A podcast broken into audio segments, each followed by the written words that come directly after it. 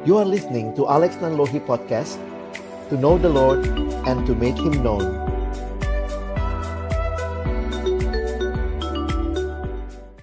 Mari semua kita memohon pimpinan Tuhan di dalam doa sebelum kita membaca merenungkan firman Tuhan. Mari kita berdoa. Kami kembali bersyukur kepadamu ya Tuhan, kesempatan seperti ini Tuhan berikan di tengah-tengah kondisi dunia yang mengalami pandemi, di tengah-tengah juga kondisi kami yang tidak bisa bertemu secara fisik, tetapi kasih setiamu memelihara persekutuan kami. Melalui teknologi, Tuhan juga mengumpulkan kami. Tuhan memberikan kepada kami kesempatan untuk bersekutu, kesempatan untuk bertumbuh, dan kami bersyukur atas semua hal ini, ya Tuhan. Siang uh, sore hari ini kami kembali akan belajar kebenaran firman-Mu. Kami mohon ya Tuhan ketika kami akan membuka firman-Mu, bukalah juga hati kami. Seperti pujian yang kami katakan, open our eyes, Lord. Open our ears, Lord. So we can see you more and more. Kami bisa mengenal Engkau lebih lagi. Dan kami boleh menjadi remaja-remaja yang hidup sesuai dengan apa yang menjadi rencana Tuhan bagi kami.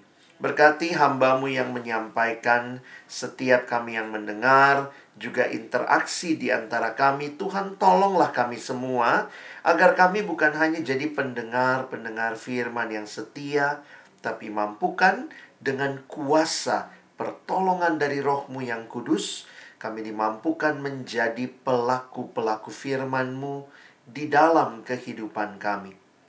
Bersabdalah ya Tuhan, kami umatmu sedia mendengarnya dalam satu nama yang kudus, nama yang berkuasa, nama Tuhan kami Yesus Kristus, kami menyerahkan pemberitaan firman-Mu. Amin. Shalom, selamat sore teman-teman sekalian, adik-adik yang saya kasihi dalam Tuhan Yesus Kristus.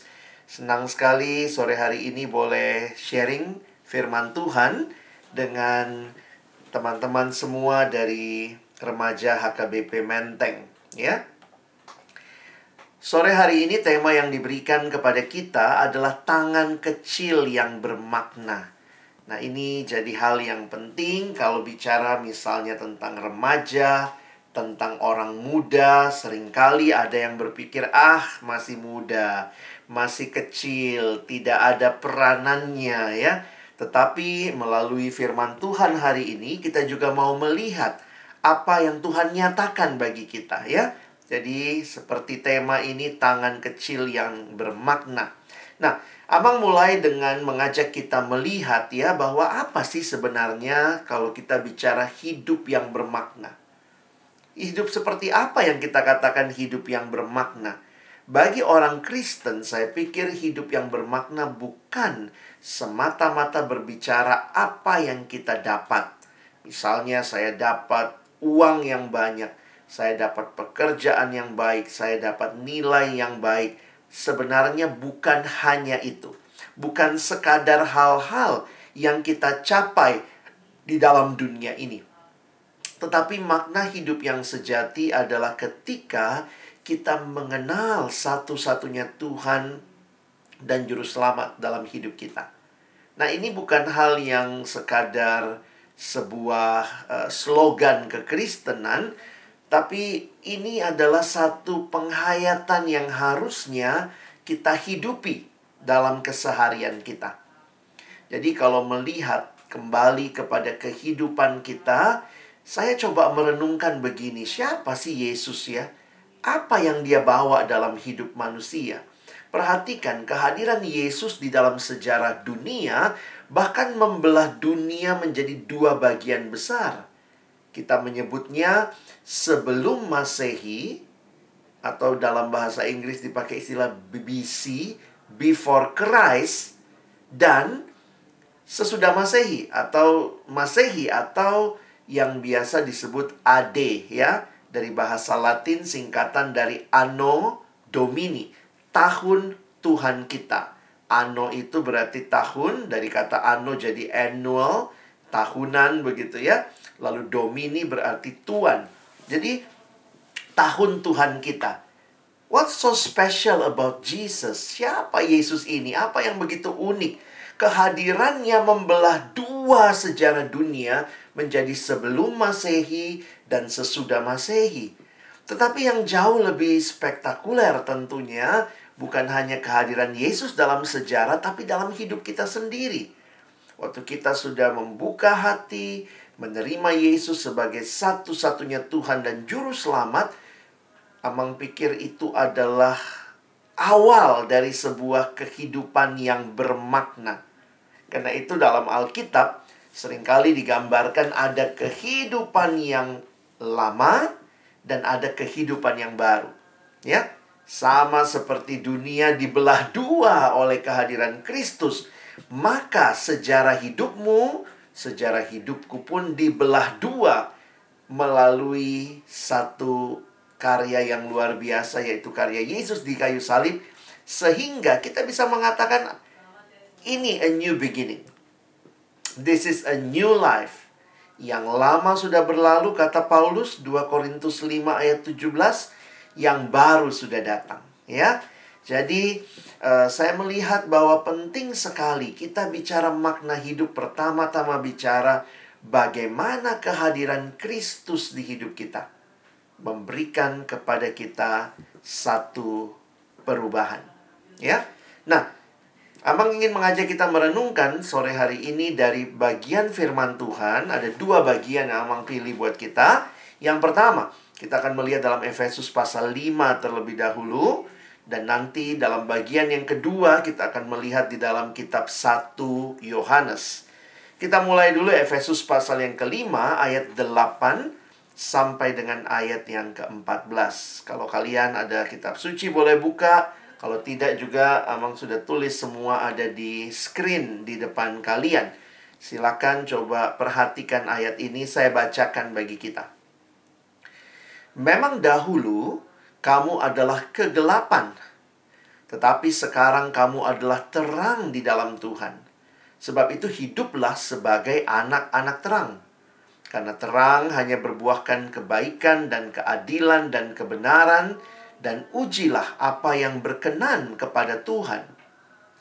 Janganlah turut mengambil bagian dalam perbuatan-perbuatan kegelapan yang tidak berbuahkan apa-apa, tetapi sebaliknya telanjangilah perbuatan-perbuatan itu. Sebab menyebutkan saja pun apa yang dibuat oleh mereka di tempat-tempat tersembunyi telah memalukan. Tetapi Segala sesuatu yang sudah ditelanjangi oleh terang itu menjadi nampak, sebab semua yang nampak adalah terang.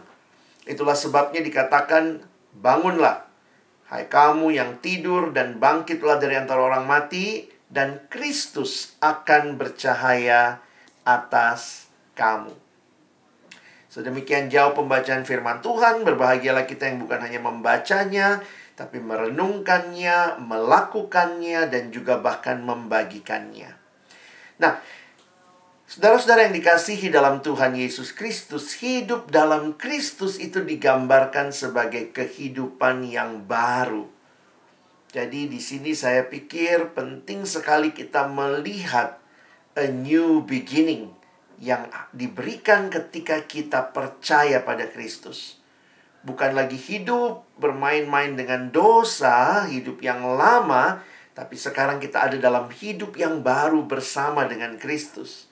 Ada identitas yang baru, a new identity, dan yang menarik, identitas itu terkait dengan Tuhan kita.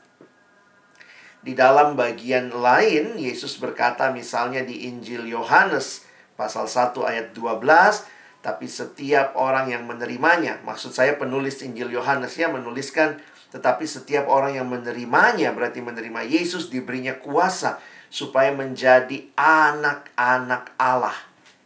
Jadi menarik sekali setelah kita terima Yesus identitas kita baru ini terkait dengan Allah kita. Nah, itu yang Paulus katakan dalam ayat yang kita baca tadi. Coba kita lihat ya di dalam ayat 8 sampai 14 Amang tulis di sini bahwa sebenarnya penghayatan ini terkait dengan Allah sendiri yang adalah terang. Kalau Allah ada telah terang, bagaimana identitas kita yang terkait dengan Allah yang adalah terang? Maka ayat yang sama mengatakan hiduplah sebagai anak-anak terang. Dan bagaimana kondisi sebelumnya? Ya kondisi kita sedang hidup di dalam kegelapan. Bahkan dunia di mana kita hidup pun masih ada di dalam kegelapan. Perhatikan ayat-ayat tadi ya, kita coba karena ini PA, yuk kita pendalaman Alkitabnya yang kita lihat ya. Kita lihat ayatnya tadi. Amang tadi mulai dari ayat yang ke-8 ya. Perhatikan. Memang dahulu kamu adalah kegelapan. Ini kata Paulus kepada jemaat Efesus yang dulu hidupnya hidup lama dalam dosa. Dosa digambarkan di dalam kegelapan. Tetapi, wah ini menarik ya Kata tetapi menjadi kontras yang membedakan. Bukan masalah dulu, memang kamu dulu, tapi kamu dulu kegelapan. Tetapi sekarang kamu adalah terang di dalam Tuhan. Sebab itu hiduplah sebagai anak-anak terang. Dan lihat konsekuensinya.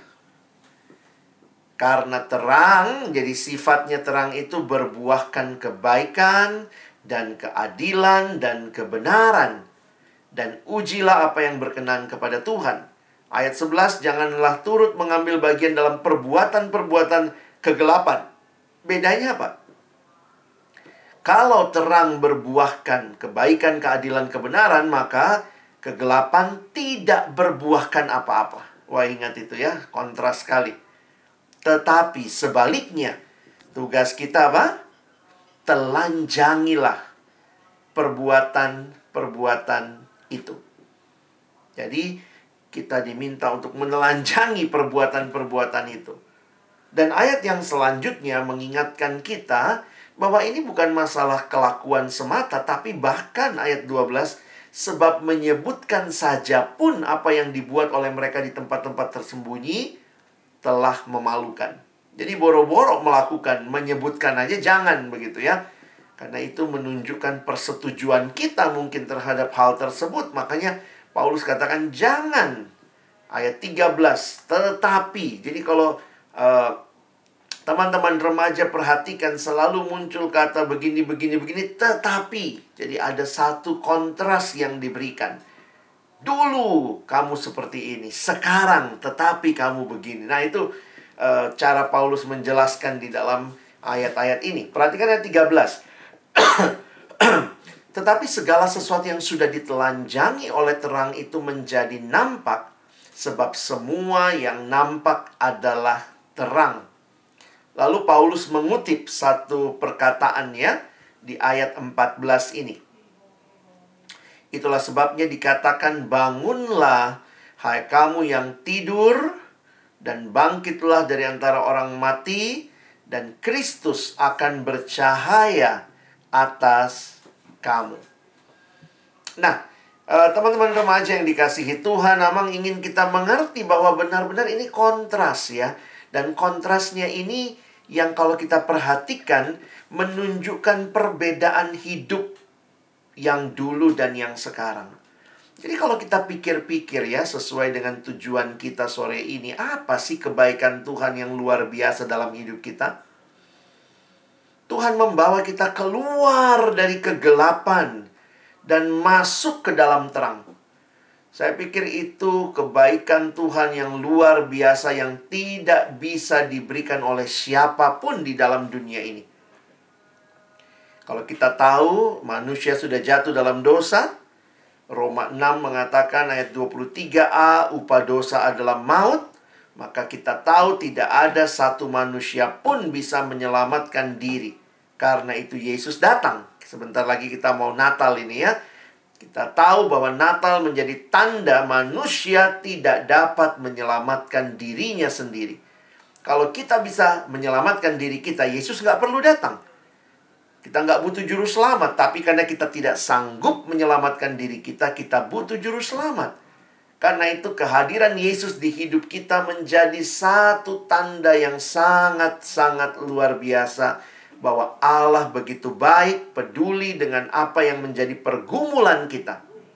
Dan Allah memberikan anaknya menggantikan kita sehingga kita selamat melalui karya Kristus. Jadi mari lihat kebaikan Tuhan ya. Jadi kalau ada yang uh, Amang ketemu pernah ada remaja begitu ya, tahu-tahu dia datang dan dia bilang Tuhan nggak baik sama saya. Dia panggil saya Kak Alex gitu ya. Tuhan nggak baik sama saya Kak Alex. Terus saya tanya gitu ya, kenapa nggak baik? Cerita punya cerita, oh ternyata dia baru diputuskan oleh pacarnya. Jadi mereka udah pacaran, masih SMA, kelas eh, sorry masih SMP itu bahkan ya kelas 3 kalau nggak salah saya bilang waduh kau juga terlalu cepat pacaran. Belum waktunya pacaran ya. Bersahabat dulu lah. Lalu kemudian dia marah dia bilang kenapa Tuhan izinkan saya sama dia? Saya kok kenapa saya udah sayang banget sama dia? Ini anak memang kurang perhatian dari orang tua. Jadi akhirnya dia carinya dapatnya dari pacar begitu.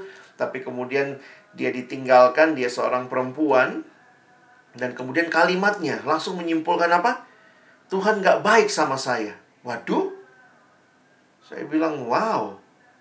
Saya tanya, Amang tanya sama dia, berapa umurmu? Dia bilang berapa waktu itu? 14 atau 15. Saya bilang, ingat loh. 15 tahun Tuhan sudah baik sama kamu. Ini ada satu peristiwa yang kamu alami, langsung kau bilang Tuhan gak baik. Wah, kebangetan kamu. Ketika kamu bahkan sudah diselamatkan dari kematian kekal, dari maut, dari kegelapan, harusnya kau bisa melihat, terima kasih Tuhan. Ini anugerah yang luar biasa. Jangan pernah mengukur kebaikan Tuhan hanya berdasarkan apa yang kita alami. Karena kebaikan Tuhan sebenarnya melampaui apa yang kita alami dan Tuhan bahkan sudah memberikan anaknya. Sehingga kita Roma mengatakan kalau anaknya saja dia kasih, Masa yang lain Tuhan gak kasih kalau memang itu kita butuhkan. Jadi saya makin menghayati betapa baiknya Tuhan itu kepada kita. Dengan melihat karyanya di kayu salib. Saya pikir tidak kebetulan gereja memilih salib menjadi lambang gereja. Ada banyak lambang bisa kita pilih ya. Kira-kira abad kelima gereja kemudian uh, sepakat begitu ya memilih salib jadi lambangnya. Kalau lihat kan bisa aja ada palungan ya. Yesus juga orang tuanya kan tukang kayu ya. Kenapa nggak lambangnya gereja uh, apa gergaji gergaji begitu ya? E, karena Yesusnya tukang kayu tidak. Kita lihat lambang gereja adalah salib. Karena di kayu salib lah kita melihat puncak dari karya Yesus. Yesus tidak datang ke dalam dunia untuk studi tour, studi banding, lihat-lihat, ah udah bosan di surga, ah main-main ah ke bumi. Yesus tidak datang untuk tujuan yang tidak jelas. Tujuannya jelas membawa engkau dan saya yang sudah mati di dalam dosa boleh alami hidup yang kekal. Karena itu puncak karyanya di kayu salib. Di mana Yesus bilang sudah selesai? Dia mengatakan sudah selesai di kayu salib. Berarti seluruh hutang dosa manusia telah diselesaikan. Apakah ini kebaikan Tuhan? Ya. Saya harap kita tidak mengukur sekadar saya dapat ini atau nggak dapat ini, Tuhan jadi baik atau tidak baik ya. Jadi teman-teman, mari kita mengerti bagaimana karya Tuhan buat hidup kita. Nah, sekarang kalau kita perhatikan dari ayat-ayat yang kita baca, maka ada kontras yang harus terjadi ada hidup yang harus berubah, hidup yang tidak lagi sama dengan dunia yang dalam kegelapan, tapi hidup yang berbeda dengan dunia. Dare to be different. Ada gambar ikan di situ ya. Sebenarnya uh, Amang selalu ingat ada ilustrasi tentang ikan ya. Ada yang bilang begini, ikan itu katanya ya uh, ada dua ilustrasi. Yang pertama itu ikan itu selama hidup. Nah, ikan yang ikan yang hidup itu selama hidupnya akan berenang melawan arus. Jadi sebenarnya cuma ikan mati itu ya yang ikut arus. Ikan yang hidup sepanjang atau seumur hidupnya itu kalau berenang dia melawan arus. Itu yang pertama. Jadi ini mengingatkan kita juga ya bahwa mari punya hidup yang tidak mesti sama dengan dunia. Kalau dunia temanmu nyontek semua. Saya nggak tahu nih sekarang kalau online gimana tuh nyonteknya ya Gimana itu? Apakah waktu online juga kita cheating begitu? Kita berlaku tidak jujur. Nah, kalian yang paling tahu karena Amang tidak punya pengalaman belajar online. Gimana ujiannya, gimana tesnya, uh, bisa mainnya di mana. Tapi kalau kamu tahu, jangan kemudian jadi orang yang gak jujur gitu ya. Belajar tetap dengan jujur. Kalau mungkin guru bilang jangan buka buku ya belajar jangan buka buku. Kalau bisa buka buku ya bisa kita buka tapi kita kerjakan dengan baik soal-soalnya.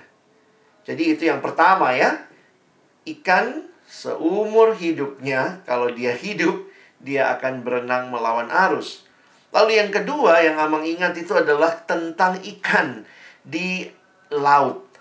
Jadi menarik ya, ikan di laut itu meskipun air laut asin tapi daging ikan itu tetap tawar atau tidak asin ya. Wah itu menarik ya. Jadi tidak ada alasan habis semua teman saya porno sih Amang. Jadi saya juga ikut porno. Loh, kamu punya pilihan ikan aja semuanya asin sebelahnya dia tapi ya dia dagingnya tetap tawar. Kira-kira begitulah ya ilustrasinya. Mau mengingatkan nggak ada kan orang pergi dari mana? Dari laut. Mancing apa? Oh, iya mancing ikan asin. Nggak ada itu. Ikan asin itu karena dia diasinkan. Jadi jangan pakai alasan-alasan uh, Habis semua teman saya ngerokok, jadi saya ikut-ikutan ngerokok amang. Kalau saya juga teman saya porno semua, pinjamkan video porno sama saya, jadi saya ikut porno. Kamu punya pilihan untuk hidup berbeda. Ya, termasuk nanti ya tadi amang bilang juga ya dengan caramu belajar. Tadi ya kita udah bicara belajar online itu nggak mudah juga ya, pasti melelahkan.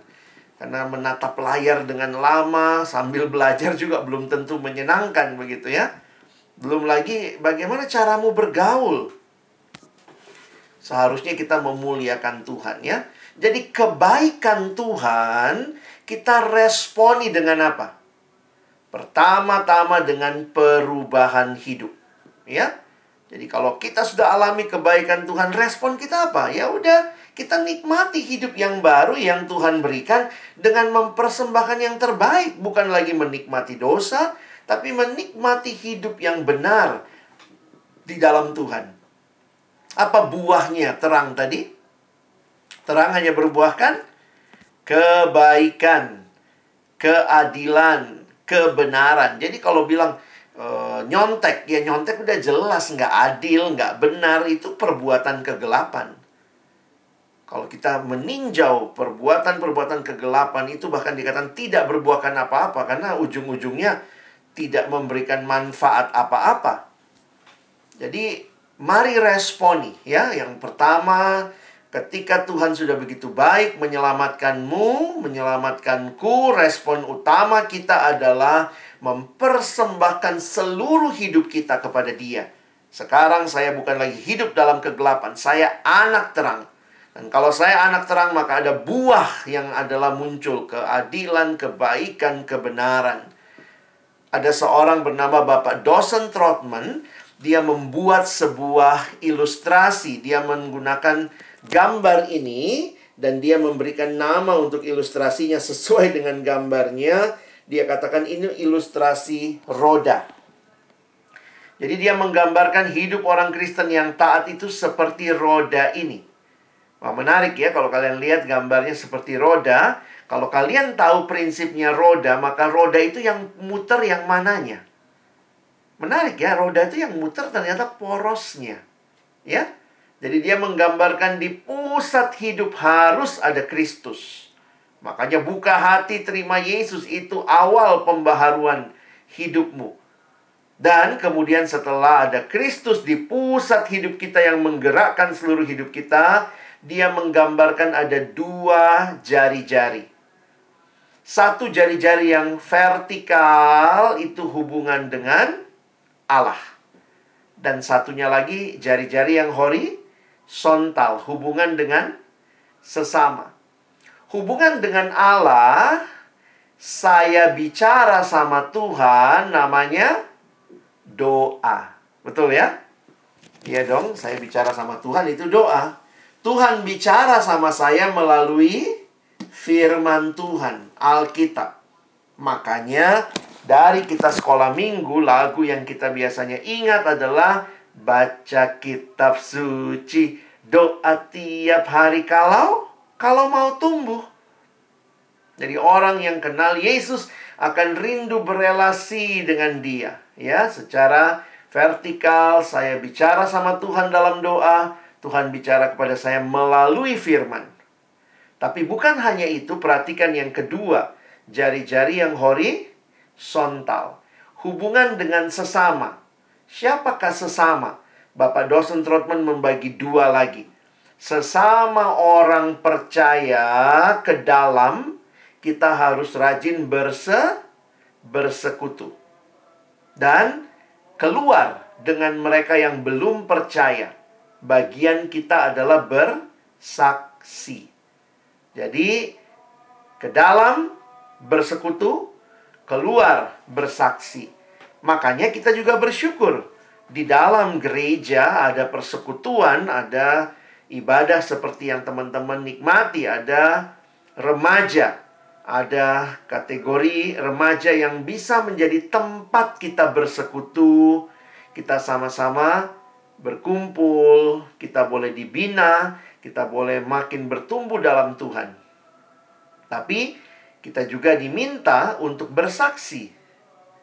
Jadi ini hal yang menarik juga yang harus kita pikirkan.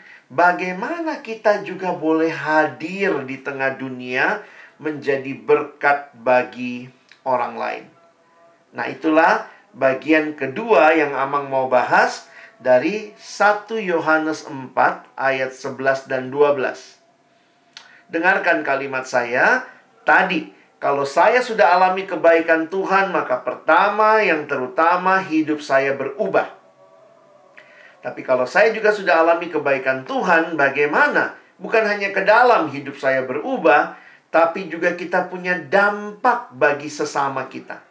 Ingat, kita tidak hidup sendiri. Kita hidup di tengah keluarga. Ada papa, ada mama, kita punya mungkin ada opung sama-sama dengan kita, ada kakak, ada adik.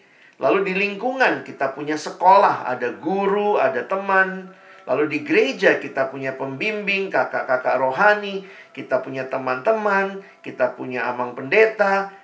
Sebenarnya kita juga harus berpikir bagaimana kita hadir di dalam dunia ini. Mengalami kebaikan Tuhan tidak pernah berhenti hanya pada diri kita sendiri. Perhatikan ayat ini, 1 Yohanes 4 ayat 11 dan 12 kalimat yang disampaikan Rasul Yohanes, saudara-saudaraku yang kekasih, jikalau Allah sedemikian mengasihi kita, kita sangat dikasihi oleh Allah, Allah sudah sangat baik sama kita, lihat responnya. Maka haruslah kita juga saling mengasihi. Lalu Rasul Yohanes memberikan logika sederhana. Tidak ada seorang pun yang pernah melihat Allah. Jika kita saling mengasihi, Allah tetap di dalam kita dan kasihnya sempurna di dalam kita. Kalau kita lanjutkan lagi ayat-ayat di bawahnya, dia mau mengatakan sebenarnya dengan kalimat sederhana begini.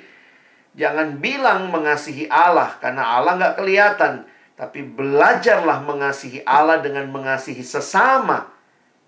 Karena Tuhan pun memberikan perintah bagi kita untuk saling mengasihi. Jadi ingat, Alami kebaikan Allah, pertama responnya hidupmu berubah. Tapi alami kebaikan Allah yang kedua, responnya jadi berkat, jadi orang yang mengasihi sesama. Karena itu kalau kita perhatikan di dalam Alkitab, saling mengasihi itu jadi bagian yang sering kali diangkat. Bahkan di ayat ini, kalau kita perhatikan saling mengasihi di antara umat Tuhan, God's love is seen in how Christian love one another. Bagaimana dunia tahu kita ini murid-murid Tuhan waktu dunia melihat bagaimana orang-orang percaya saling mengasihi. Sehingga seorang bernama John Stott, seorang pendeta almarhum mengatakan kalimat yang indah ini. Sebagaimana ikan dibuat untuk air, umat manusia dibuat untuk kasih, untuk mengasihi Allah yang pertama dan mengasihi sesama. Jadi ingat baik-baik, mengalami kebaikan Allah tidak berhenti di dirimu saja. Kamu berubah tidak hanya cukup sampai situ, tapi belajarlah juga mengasihi sesama. Karena untuk itu juga Tuhan menciptakan teman-teman dan saya.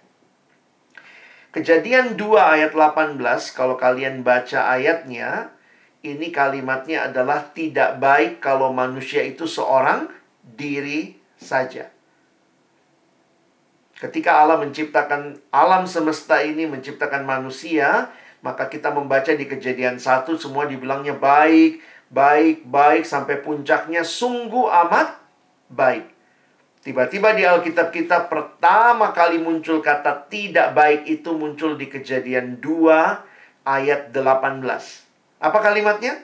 Tidak baik kalau manusia itu seorang diri saja. Jadi waktu saya memperhatikan, wow, memang sudah desainnya Tuhan itu untuk kita saling mengasihi. Untuk kita boleh mengasihi satu sama lain. Itu adalah apa yang Tuhan kehendaki. Karena itu mari kita belajar juga ya untuk mengaplikasikan kasih kita melimpah kepada sesama. Yang mungkin yang paling sederhana ya di dalam rumah tangga, di dalam keluarga. Kalian punya orang tua, kakak beradik, sudahkah kita mengasihi mereka? Di sekolah, punya teman, bapak ibu guru, Mari belajar menyatakan kasih. Kenapa kalau ditanya, loh kok kau mau menyatakan kasih? Aku sudah mengalami kebaikan Allah. Maka aku belajar mengasihi. Nah, waktu Amang cek ya di Alkitab kita, banyak sekali loh kata saling. Mungkin nanti kalian bisa cari ya. Karena kata saling ini menunjukkan apa yang memang rancangannya Tuhan. Tuhan mau kita saling menguatkan, saling saling uh, membantu begitu ya. Jadi di Alkitab tuh banyak kata saling. Kalau dalam bahasa Inggris dipakai istilah one another. Bahasa Indonesia ya langsung diterjemahkan saling ya. Coba lihat ini beberapa. Bagaimana menerima satu sama lain, uh, care for one another. Galatia 6 bilang carry each other burdens, bertolong-tolonganlah menanggung bebanmu. Terus ada lagi saling mengampuni, saling mengaku dosa, saling mendoakan, saling melayani.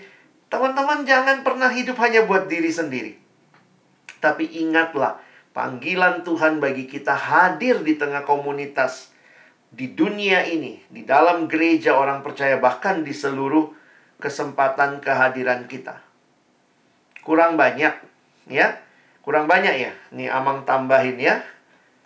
Nah, nanti teman-teman bisa cek sendiri bahwa inilah yang Tuhan mau dari kita. Mengasihi satu sama lain dalam berbagai aspek. Saling membangun, saling menolong, termasuk saling menegur, ya. Jadi belajarlah kita juga jadi kalau lihat teman kita berdosa, melakukan yang tidak pantas, mari kita sebagai sahabat bisa menegur, memberikan encouragement. Nah, jadi teman-teman yang dikasihi Tuhan hari ini sebagai aplikasi yang ingin kita pikirkan sama-sama bagaimana kita mengasihi dalam konteks mengasihi sesama Amang pikirkan beberapa hal yang juga bisa kita uh, lakukan ya. Pertama, milikilah kasih yang aktif dan inisiatif, peka melihat kebutuhan orang lain. Nah ini jangan berpikir oh nanti sama pengemis, nanti sama orang yang ada di jalanan. Kadang-kadang kita tuh begitu gampang peka sama kebutuhan orang yang ada di luar kita, yang jauh dari kita. Tapi jangan-jangan ada kebutuhan dari orang-orang yang ada di rumahmu. Bagaimana mungkin pakai tema hari ini ya, bagaimana tanganmu yang kecil bisa juga menjadi cara Tuhan menolong orang lain, memberkati orang lain. Kalau lihat di rumah mungkin mama sudah capek, sudah banyak kerjaan juga dari pagi. Kadang-kadang kan jadi anak itu rasanya ya udahlah, ini udah urusannya orang tua, siapa suruh mau jadi orang tua begitu ya. Apakah kita peka melihat kebutuhan orang lain? Kita stres di rumah. Oh, jangan pikir cuman kamu yang stres. Mungkin kalau kamu punya abang, punya adik, punya kakak, mereka juga mungkin lagi stres gitu ya. Kenapa? Waduh ini belajarnya online, tugasnya numpuk. Kadang-kadang kita bisa begitu gampang mengatakan kebutuhanku yang paling utama, bodoh amat kebutuhanmu. Harusnya kalau kita alami kebaikan Tuhan, kita jadi makin mirip Tuhan ya. Kan Kristus jadi pusat ya. Harusnya makin mirip Yesus gitu. Belajar rendah hati, belajar menolong, peka lihat kebutuhan orang. Bukan hanya menuntut kebutuhanmu sendiri, kebutuhan kita sendiri yang harus dipenuhi. Ya, miliki kasih yang aktif, yang inisiatif ya untuk melihat kebutuhan. Lalu kalau dalam konteks yang lebih luas, bagaimana menolong? Seringkali orang kalau menolong langsung dia bilang, tapi saya nggak punya ini kak, saya nggak punya itu kak, saya nggak punya ini bang, saya nggak punya ini bang. Tuhan kan nggak pernah minta yang kamu nggak punya. Bagaimana kita menolong? Ya lakukan apa yang kita bisa begitu. Amang terkesan beberapa tahun yang lalu memimpin sebuah retret di luar kota di Sulawesi dan saya ketemu dengan satu anak SMA kelas dia waktu itu ya kelas 12 ya. Dan kenapa saya bilang saya terkesan? Karena setelah kami ngobrol-ngobrol uh, dia nanya sama saya, saya juga kaget waktu itu. Dia nanya uh, dia tanya sama saya, e, Kak Alex punya line nggak ya? Terus dia bilang, e, mau ikut line grup saya nggak? saya bingung line grup apa gitu ya. Ternyata dia punya line grup, dia buat waktu itu. Dan line grupnya itu ternyata waktu saya masuk juga ya isinya tuh sudah 4000 orang teman-teman. Saya kaget gitu ya. Wow, kalau line kan juga gimana gitu ya. Mungkin dia buat uh, di line group 4000 orang maksudnya uh, Kenapa saya terkesan? Saya bilang, apa tujuanmu buat line group ini? Dia cuma bilang begini, saya buat dari kelas 11. Jadi waktu saya ketemu dia udah satu tahun. Dia bilang, setiap pagi saya hanya sharing aja. Apa firman Tuhan yang berkesan buat saya, saya sharing di situ. Beberapa kali dia dapat kutipan, dapat gambar, dia kadang-kadang posting. Dia bilang, e, saya cuma ingin jadi berkat, Kak, buat orang lain. Dan bersyukur, dia bilang beberapa orang kemudian jadi chatting pribadi sama dia gitu ya. Lalu kemudian ada yang bahkan cerita masalah rumah tangga sama dia. Dan mereka nggak tahu bahwa pengelola, admin dari line group. Saya lupa nama line grupnya ya. Waktu itu saya soalnya udah nggak pakai line gitu ya. Ternyata adalah seorang anak SMA kelas 12. Dia hanya ingin jadi berkat dari apa yang dia punya kadang-kadang kita merasa ya kalau bicara tangan kan sekarang anak remaja sekarang ya paling jago pakai tangan ya bikin akun apa bikin update uh, status apa bikin TikTok itu kan semua pakai tangan ya tangan kita kita pakai buat apa ya Lalu kadang kita pikir, wah nanti deh kalau saya besar, punya uang banyak, nanti saya bikin startup, nanti saya... Tapi itu semua nanti. Mungkin nggak usah pikirin yang nanti dulu. Yang sekarang juga yang bisa kita lakukan apa? Ya. Dan akhirnya kita belajar bersyukur untuk apa yang kita miliki dan belajar nggak egois ya belajar untuk berbagi dengan orang lain. Jadi uh, Amang ingin menutup dengan kesimpulan ini ya. Sekali lagi kalau engkau alami kebaikan Tuhan maka ingat pertama dan terutama hidupmu berubah. Hidupmu tidak lagi dalam dosa, tidak lagi dalam kegelapan, tapi bukan hanya itu Waktu engkau sudah alami kebaikan Tuhan, ingatlah ada orang-orang di sekitarmu juga yang Tuhan hadirkan untuk engkau boleh jadi berkat buat mereka. Pikirkan bagaimana kamu bisa memberkati mereka dengan apa yang Tuhan berikan. Bukan dengan apa yang kamu nggak punya. Tapi apa yang kamu punya. Mungkin ya kamu punyanya IG ya, bikin status yang memberkati orang lain.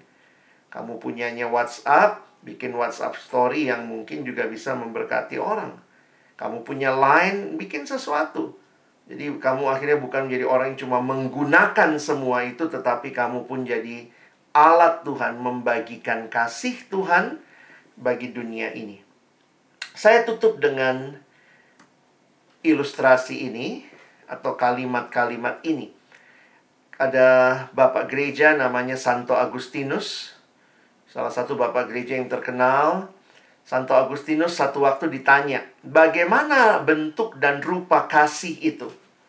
Lalu Agustinus menjawab, kasih memiliki tangan untuk menolong orang lain. Kasih memiliki kaki untuk menghampiri mereka yang miskin. Kasih memiliki mata untuk melihat kebutuhan-kebutuhan orang lain. Kasih memiliki telinga untuk mendengar rintihan mereka yang menderita. Demikianlah rupa kasih. Waktu saya renungkan jawaban Santo Agustinus, saya pikir iya Tuhan. Mungkin yang orang butuhkan tidak selamanya orang membutuhkan uang kita. Mungkin yang dia butuhkan cuma telinga kita untuk mendengar cerita mereka. Mungkin dia membutuhkan tangan kita untuk menolong mereka. Jadi mari dengan tangan yang kecil pun kalau engkau sungguh-sungguh alami kebaikan Tuhan, tangan yang kecil menjadi bermakna. Kaki yang kecil menjadi bermakna. Dan kiranya remaja-remaja tidak berhenti menjadi berkat di tengah-tengah hidupmu bagi sesama, mulai dari keluarga, dalam persahabatanmu di sekolah, di gereja, di mana saja nanti Tuhan tempatkan kamu. Amin.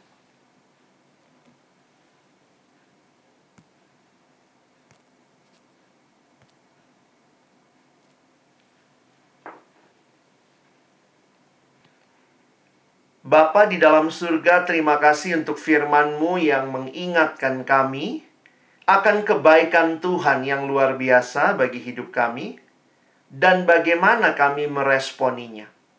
Biarlah sebagai remaja-remaja yang mengalami kebaikan Tuhan, karya Tuhan, kami pun boleh mempersembahkan hidup yang baru kepada Tuhan dan juga hidup yang boleh jadi berkat bagi sesama. Tolong kami sekali lagi bukan cuma jadi pendengar firman, mampukan kami jadi pelaku-pelaku firman-Mu dalam hidup kami di dalam masa remaja kami. Dalam nama Yesus kami berdoa. Amin. Bersyukur kepada Tuhan atas um, berkatnya yang sangat besar, yaitu Tuhan sudah memberikan uh, kita dari kegelapan kepada keterang. Dan dengan dengan begitu respon kita adalah kita harus hidup berbeda dengan dunia ini, kita harus menikmati hidup yang benar dalam Tuhan, dan juga menjadi berkat itu aplikasinya dengan yang aktif uh, kita selalu bersyukur atas apa yang kita miliki dan kita memberikan kepada orang lain. Oke teman-teman. Silakan Clarence. Amang aku mau nanya uh, gimana caranya kayak kita tuh tahu kalau uh, keputusan yang udah kita ambil tuh sebenarnya sesuai dengan apa yang Tuhan inginin walaupun uh, dalam kita menjalaninya itu pasti ada banyak batu dan yang lain-lain ya. Maksudnya kayak gimana caranya uh, kita tahu kalau oh ini emang udah keputusan yang tepat gitu emang okay. kira-kira gitu makasih pertanyaannya um, ada yang ada kutipan yang berkesan buat saya ya banyak orang mau tahu kehendak Tuhan, termasuk anak remaja mau tahu kehendak Tuhan. Tapi kalimatnya begini, jangan mimpi tahu kehendak Tuhan dengan Alkitab yang tertutup. Kau nggak pernah baca Alkitab, nggak pernah buka, padahal di situlah kehendak Tuhan. Jadi yang pertama dan terutama adalah relasi dengan Tuhan itu dinyatakan dengan Tuhan memberikan firman dan kita harusnya hidup di dalam firman itu. Jadi saya pikir itu yang Tuhan berikan firman Tuhan untuk menuntun kita. Jadi dari mana kita tahu ini kehendak Tuhan atau bukan ya kita lihat apakah prinsip firmannya sesuai atau tidak. Prinsipnya apa? Apakah itu memuliakan Tuhan? Apakah itu jadi berkat atau jadi batu sandungan buat sesama? Apakah itu mengikat kita dalam dosa? Jadi ini perlu kita tanya gitu ya. Uh, perlu kita uji.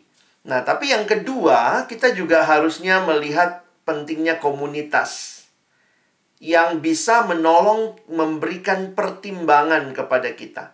Makanya saya pikir penting seperti komunitas remaja ini, kalian ada pembimbing juga, kakak-kakak yang bisa kalian tanyakan, mereka yang lebih dewasa secara rohani. Jadi sering kali kan kita bingung, aduh bener nggak ya? Atau ini gimana ya?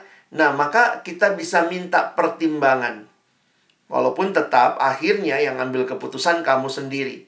Tapi seperti kata Amsal, e, rancangan terlaksana kalau banyak pertimbangan. Jadi maksudnya e, minta pertimbangan dari orang-orang yang lebih dewasa yang tentunya mungkin sudah mengalami apa yang sedang kamu tanyakan. Lalu yang yang ketiga, percayalah bahwa uh, waktu kalian menjalaninya ya itu itu sesuatu yang ya Tuhan berikan keyakinan di hati dan Tuhan juga buka jalan. Saya pikir juga itu salah satu tanda bahwa memang uh, itu yang Tuhan kehendaki. Tentu tidak berarti selamanya Tuhan buka jalan itu berarti mudah jalannya. Kadang-kadang nggak juga. Ya seperti yang tadi uh, dikatakan, gimana nih kalau semua menentang kita? Tapi balik lagi, kalau semua menentang kita tapi kamu tahu itu yang benar. Misalnya nih, kamu nggak mau bolos. Semua maunya bolos. Kan kayaknya kamu sendiri melawan seluruh dunia gitu ya. Tapi kalau kita tahu itu benar, maka kita kita pegang prinsip kebenarannya dan belajar untuk ya Yesus sendiri bilang mari sangkal diri, pikul, salib, ikut aku. Jadi memang dunia ini kadang-kadang begini ya, sekarang kebenaran itu jadi kayak tergantung mayoritas. Semua bilang oke, okay, apakah itu jadi oke? Okay? Saya pikir enggak, mesti cek dulu di Alkitab bilang apa. Semua bilang nggak apa-apa lah nyontek gitu ya, biar nanti nilainya bagus, sekolah juga peringkatnya naik. Ya, apakah itu benar? Kalau semua teman saya melakukan, bagaimana dengan saya? Nah, teman-teman punya pilihan untuk tidak memilih itu kalau tahu itu nggak benar. Jadi memang e, belajar memilih dengan prinsip firman, tanya sama orang-orang yang lebih dewasa dan lihat bagaimana Tuhan memimpin kamu. Mungkin begitu ya.